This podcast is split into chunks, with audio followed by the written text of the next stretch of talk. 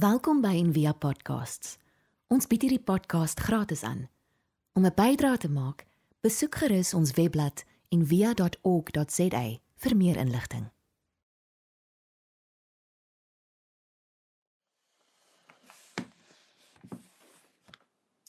Ek lees vir ons 'n gedig van van Koos van der Merwe. Hy noem dit Grond. Jaco, ek wil net sê ek dink jy het 'n oomblik daar ge um gedink toe jy my nie meer sien nie dat jy dalk nou die die boodskapie ook gaan moet doen. Ek is ek is hierso. Ek is alright. As weird internet. Die internet is weird. 'n 'n oomblik word opgeblaas. Dis dis baie weird om te bestaan in die tyd wat ons bestaan. Um grond deur Koos van der Merwe. Ek mis vandag die grond. Stoomgrond langs visvangdamme, droë grond op plaaspaaie, gladde grond onder 'n dik wiel fiets, groentetuingrond onder vingernaels. Ek mis hoe dit ruik en voel. Ek mis hoe dit is om naby die grond te wees. Ek mis vuil voete en modderplasse, modder en stof en klonte. Ek leef te ver van die grond af. Maar as die grond roep, vlug ek en verlang terselfdertyd. Want die grond roep al hoe luider en al hoe nader. Nou um, ek dink die die die song van van Trevor Hall en en iets in ons eie taal hierso van Koos van der Merwe. Um druk daai selfde daai selfde vlug en daai selfde verlange uit. Ons vlug weg van die grond af, want die grond herinner ons aan ons aan ons menslikheid, maar terselfdertyd ons hierdie diep verlange, hierdie diep hinkering na die grond van van dis wie ons is. Um dis 'n dis 'n uitroep na na na wie ons werklik is. En ek wil vanaand net 'n paar gedagtes met julle deel rondom rondom die Heilige Gees, rondom die Gees en en grond. Want as ons praat van die Gees as as wind wat waai waar hy wil of as die Gees as as water wat vloei of of as vuur wat brand, maak dit so half sin op 'n manier, so soveel sin soos wat Gees kan maak, maar as ons sê die Gees is grond of die Gees is soos grond, dan is dit baie vas, baie aards baie hier, baie soos ons is. Maar as Paulus in Galasiërs 5 praat van die vrug van die Gees en dan noem hy liefde, blydskap, vrede, lankmoedigheid, geduld, al daai al daai vrugte, moet dit tog iewers groei. Vrugte hang nie hang nie in die lug nie. Ehm um, so die vrug van die Gees impliseer grond, vastigheid. Grond het het iewers in die kerk 'n 'n bad rap gekry. Um wie sê kon sê God se naam is deur die modder gesleep.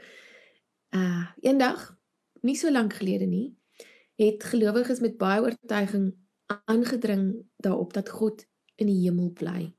'n Ver af plek van ewige beloning vir die paar getroues onder ons. So ons bly in 'n drie verdieping heelal. Hemel is bo waar God bly en dis heilig en die wêreld is onder waar ons bly en dan het ons nog die onderwêreld waar ons net nie een wil gaan as ons doodgaan nie. So grond is onder en grond is onheilig en die kerk is soos die heilige huisbak tussen die aarde en die hemel wat God gebruik om goddelike boodskappe af te stuur aarde toe deur die dominee of die priester of whoever. En as ons dit gehoorsaam, dan kan ons in die heilige huisbak klim en die boonste verdieping haal as ons eendag doodgaan en ontkom van die grondvloer. In die vorige eeu het hierdie 3 verdiepings en sy netjies se sekerheid so so effe verkrummel. Die groot oorlog het filosofiese en politieke fondasies laat intuimel en die hele ding het in mekaar gesak na die nog groter oorlog, die Tweede Wêreldoorlog, toe die nasies en die Holocaust en die bom die hele geskiedenis laat oopbars het. Ewe skielik het God spreekwoordelik van die berg afgevlug en tussen die mense kom woon. In die midde van die stad. In die midde van mense. Eers het niemand agtergekom nie. En dit was profete en skrywers wat probeer verwoord het wat aangaan. Dietrich Bonhoeffer wat in die tronk was en gewag het om ter dood veroordeel te word deur die deur die nasies um het gesmeek vir 'n nuwe godsdienstlose kristendom wat moet opstaan uit die as van die geskiedenis. Elie Wiesel, 'n Joodse humanis wat die doodskampe oorleef het, het dit opgesom met 'n vraagstuk wat klink um asof dit godslasterlik is, maar wat uitroep en hy het gesê for God's sake, where are God? For God's sake, where are God? Hy hy hy sê so goed Engels gepraat soos soos 'n Suid-Afrikaner. Soos 'n Afrikaanse Suid-Afrikaner. Where is God? Where is God? Waar is God? Sommige teoloë en filosowe het dit begryp en het begin om die om die dood van God te verkondig. Nie God die God wat anderkant name en prentjies is nie, maar God soos die kerk hom geskets het, soos mense hom geskets het, daar iewers daarbo. Die um die deus ex machina die die masjiengod wat net so nou en dan aarde toe kom en net so sy vingertjies so skuif en dan dan gebeur iets as dit nou lyk asof die besigheid nou nie so lekker gaan nie en hulle het besef jy kan nie 'n god opwek vir 'n wêreld wat nie meer bestaan nie iemand het dit so gesê venerating a god of a vanished world is the very definition of fundamentalism Maar nou leef ons in 'n teologies afgeplatte wêreld. Ons het nou agtergekom. ons is meer as kapabel genoeg om die terreur en die boosheid van die hel net hierso te skep. Ons het nie meer 'n vage vuurende geknars van tande nodig om te besef dat die bose bestaan nie. As ek myself goed genoeg ken, weet ek dat dit hier binne ook is.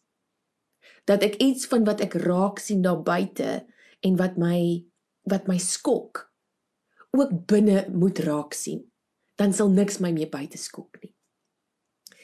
Diana Butler Bass vra in haar wonderlike boek Grounded die vraag: Is daar 'n ander opsie behalwe aan die een kant fundamentalisme en aan die ander kant 'n dooie God? Dan sê sy: I think so. If hell has moved in next door to us, perhaps heaven has as well. Waar is God? hierdie vraag en veral hoe dit beantwoord word, dui op 'n verrassende geestelike revolusie wat wat ek glo jou lewe kan verander, wat my lewe kan verander. Dis een van die mees gewigtige vrae wat ons kan vra. Ons is geleer om dit nie te vra nie. Um want dis godslasterlik. Maar as ons ophou om daai vraag te vra, hou ons op om te glo Dis hoekom so baie mense die kerk verlaat het. Nie omdat hulle ophou glo in God nie, maar omdat ons sing van 'n God wat iewers ver verwyderd is in ons in ons liturgie, omdat ons nie die aarde en die grond waarde gee nie. Omdat mense voel asof hulle in 'n volksvreemde plek instap as hulle in 'n kerk instap, asof dit nie die realiteit van hulle lewe bevestig nie. Hierdie geestelike revolusie dui op 'n ander se moontlikheid dat God dalk met ons is. Um soos Bonhoeffer gesê het, only a suffering God can help us now.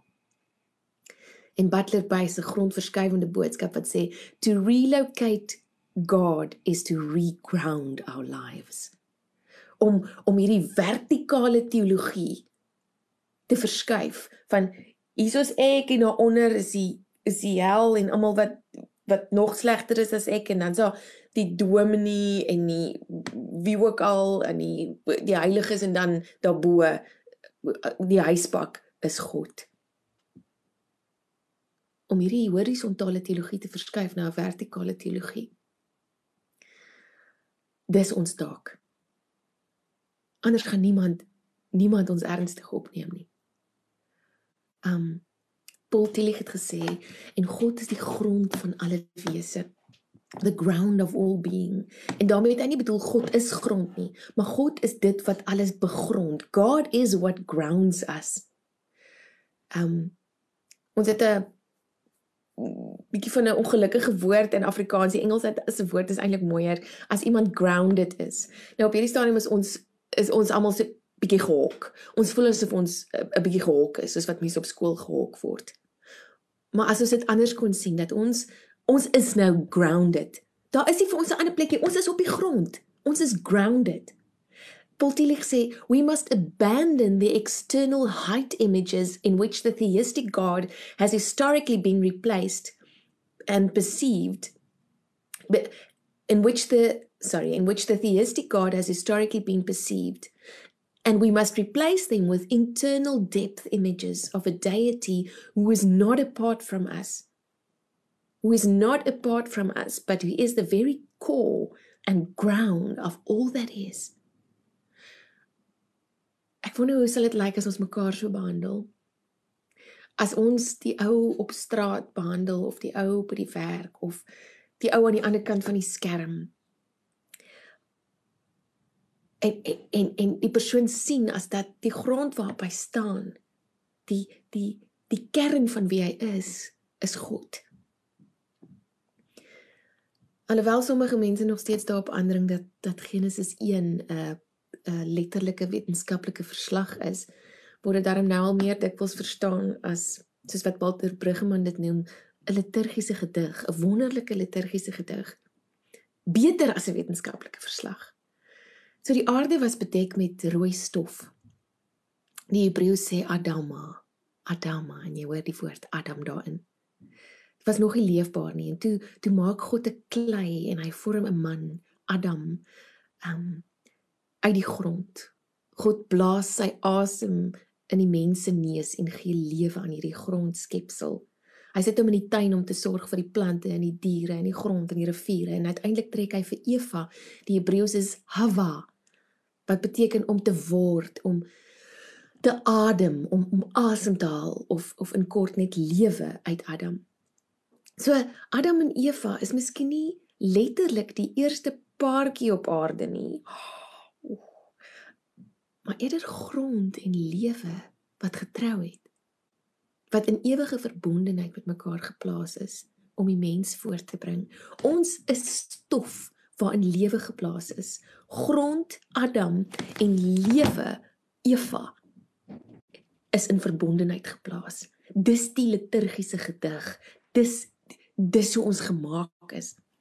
Dit is so jammer dat dat sonde en veral as dit verband hou met die menslike seksualiteit, um so dikwels verbind word met stof, met dirt. Asof ons vergeet het van van Psalm 103 wat sê God handel nie met ons na ons sondes en vergeld ons nie na ons ongeregtigheid nie. Soos 'n vader hom ontferm oor sy kinders. En dis baie vir baie mense 'n moeilike beeld om te verstaan. Soos 'n vader hom moet ontferm oor sy kinders. So ontferm die Here hom oor ons. Want hy hy weet watter maaksel ons is. Gedagtig dat ons stof is. Hy weet watter maaksel ons is, gedagtig dat ons stof is. En God verdra ons nie net nie. Hy's lief vir ons. Hy's lief vir stof. Hy's hy's lief vir grond. So ons kan maar net sowel ook na die partytjie toe kom. Soos David White skryf in in sy gedig The Opening of Eyes. Jy sien as jy die woorde daarso kan kan wys, party van ons volg dit so makliker. That day, I saw beneath dark clouds the passing of light over the water, and I heard the voice of the world speak out.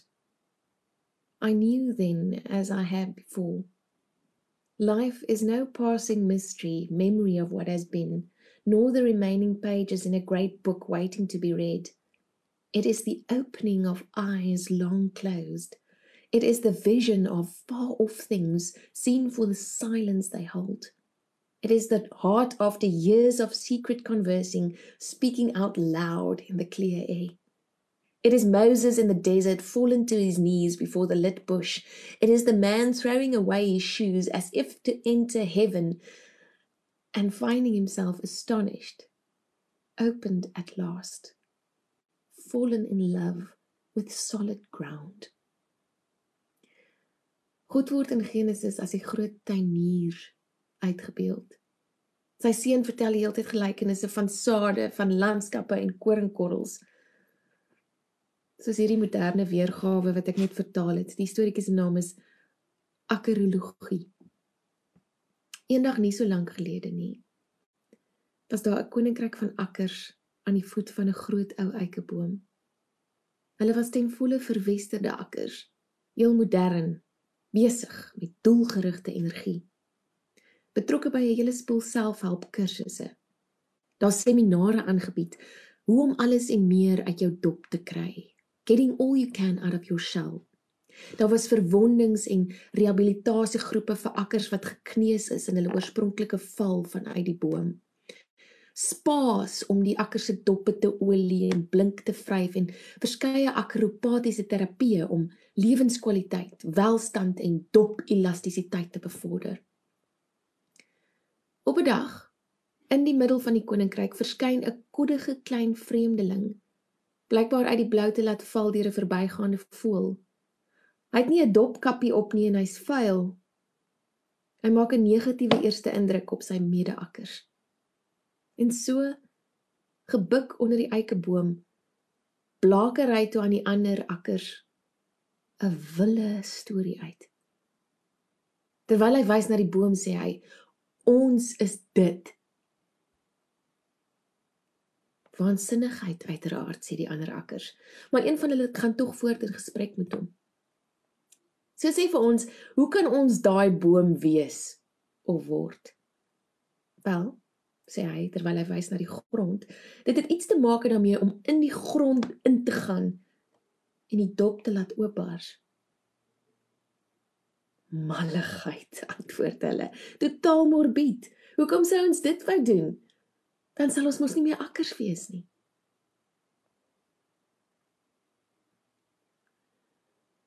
Ons beklei so hard.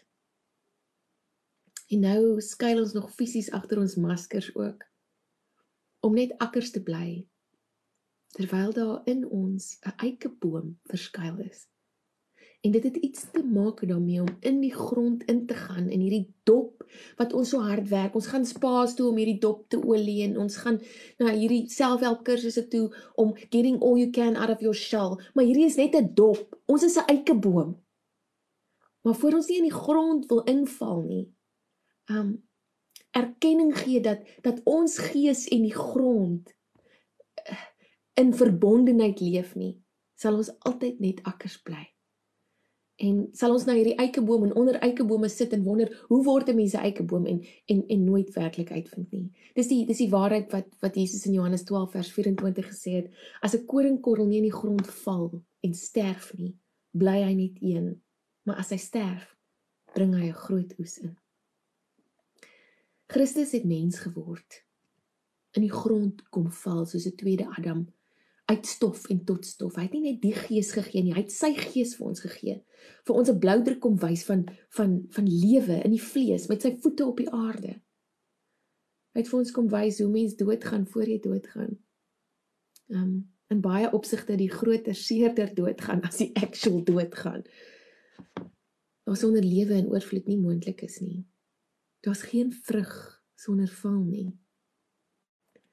Hy het ons kom wys hoe ons met ons met ons sondige self, met ons uh, ons daai ongelukkige woord wat Paulus gebruik het of sy vertalers, nie die woordkeuse wat 'n bietjie ongelukkig is, ons vlees, um ons ons hubris om te gaan. Hierdie gedig van Sheila Cousins die wat my goed ken, weet ook dit agtervolg my al my hele lewe lank. Jy is omdat dit een van die grootste waarhede van die lewe vir my bevestig, naamlik dat ons nie te bowe kan kom dit wat ons nie ook insluit nie. We cannot transcend that which we don't include. Vir ons lyk like dit soos vuil, so stinkgoed. Soos daar's baie ander beter Afrikaanse woorde wat leliker is wat ek nie nou kan herhaal nie. Vir God is dit kompos. Vir God lyk like dit soos kompos wat hy gebruik om ons al hoe meer mens, al hoe meer grondig mens te maak. My vuil, my stink wil ek uit my hê. Jag dit nie weg nie want weg kom terug. Neem dit in u op. Grond van my wese. Verwerk dit. Versoet dit tot kraakvars lewe aarde waarin alles wat boos is vergaan, verpulver my fyn, verander my grondig tot stof waaruit ek opnuut kan kiem. kan verrys met my beste in my behou. Eindelik myself. Myself in U. Om alles van ons in hierdie grond van ons wese te laat ontkiem en God te vertrou dat hy alles kan gebruik, alles kan verwerk, alles kan versoet tot kraakvars lewe om ons grondig te verander tot stof waaruit ons opnuut kan kiem uiteindelik onsself jouself in God. Rumi het gesê very little grows on jagged rock be ground be crumbled so wildflowers will come up where you are. Dit vat nie 'n perfekte mens nie, dit vat 'n volkomme mens om wille blomme te laat opkom waar jy is. Om in die grond in te gaan, om grond te word. So om saam te vat voor ek afsluit. Die gees ook in sy element as grond spit ons om om op die volgende maniere. Dit laat ons die belangrikste vraag vra, nooit ophou vra nie. nie. Nie om as ons vra waar is God, is dit nie om God se identiteitsdokumente uh, te gaan soek op aarde nie. Dis om hom oral te soek, om hom te bly soek. Dis wanneer ons ophou vra waar is God dat ons ophou glo. Dis nie 'n teken van twyfel om te vra waar hy is nie, dis 'n teken van oorgawe en diep vertroue.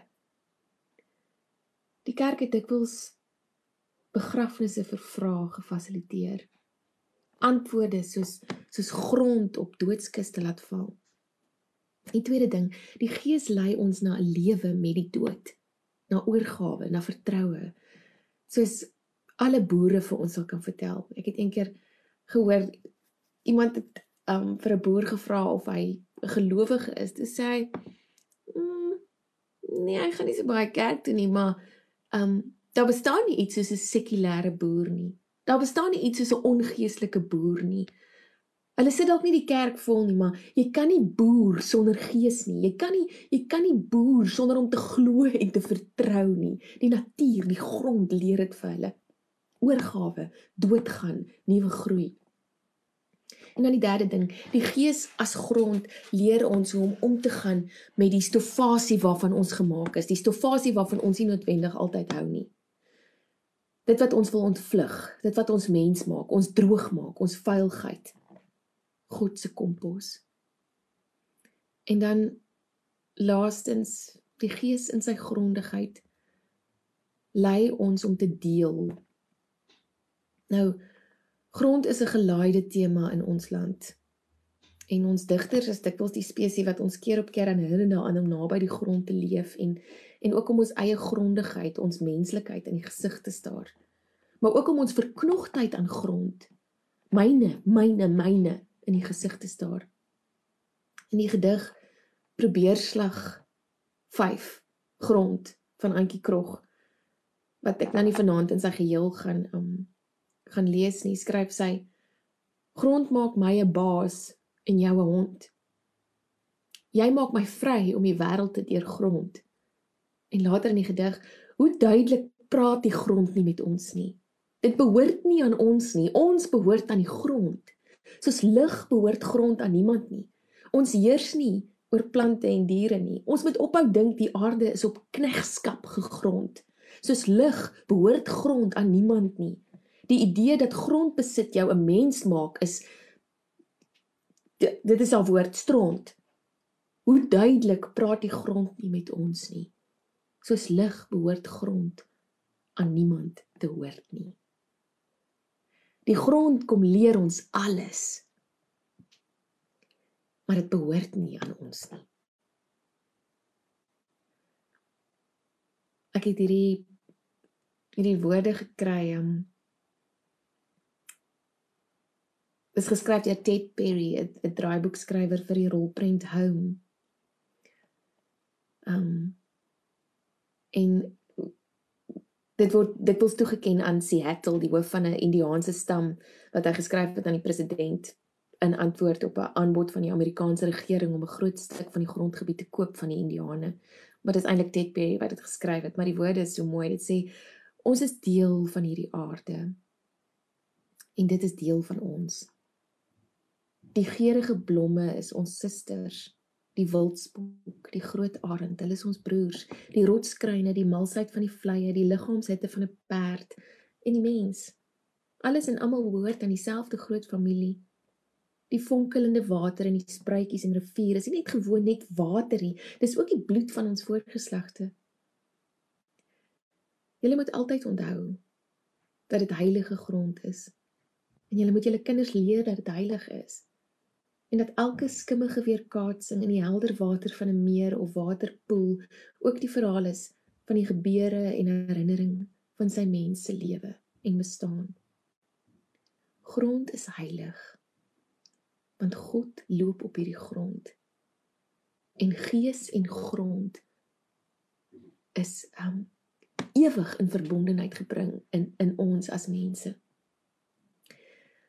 So ons gaan afsluit met 'n Byzantynse gesang wat ons al van tevore ook gehoor het wat eintlik oor en oor die woorde van Psalm 199 bevestig en dan ook bepleit.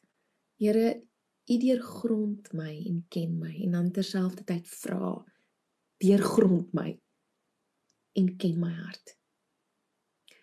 Mag mag ons hierdie week um in kontak wees met ons grondigheid, ons menslikheid. Elke keer as jy jou voete op die grond sit, as jy jou vingers dalk in die grond druk, um of dalk doen jy dit nie baie nie en miskien is hierdie 'n uitnodiging om elke dag net iets grondigs te doen om om ons um om ons verlange na grond, maar ook ons wegvlug van die grond uh bymekaar te bring.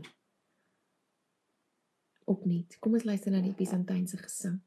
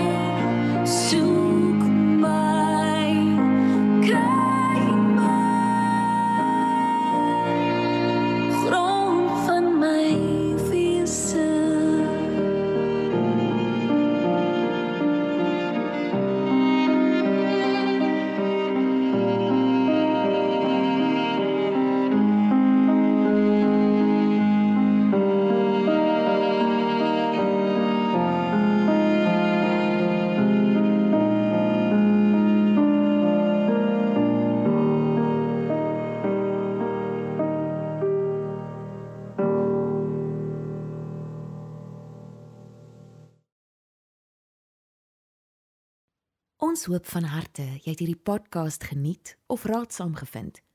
Besoek gerus en via.ok.za vir meer inligting.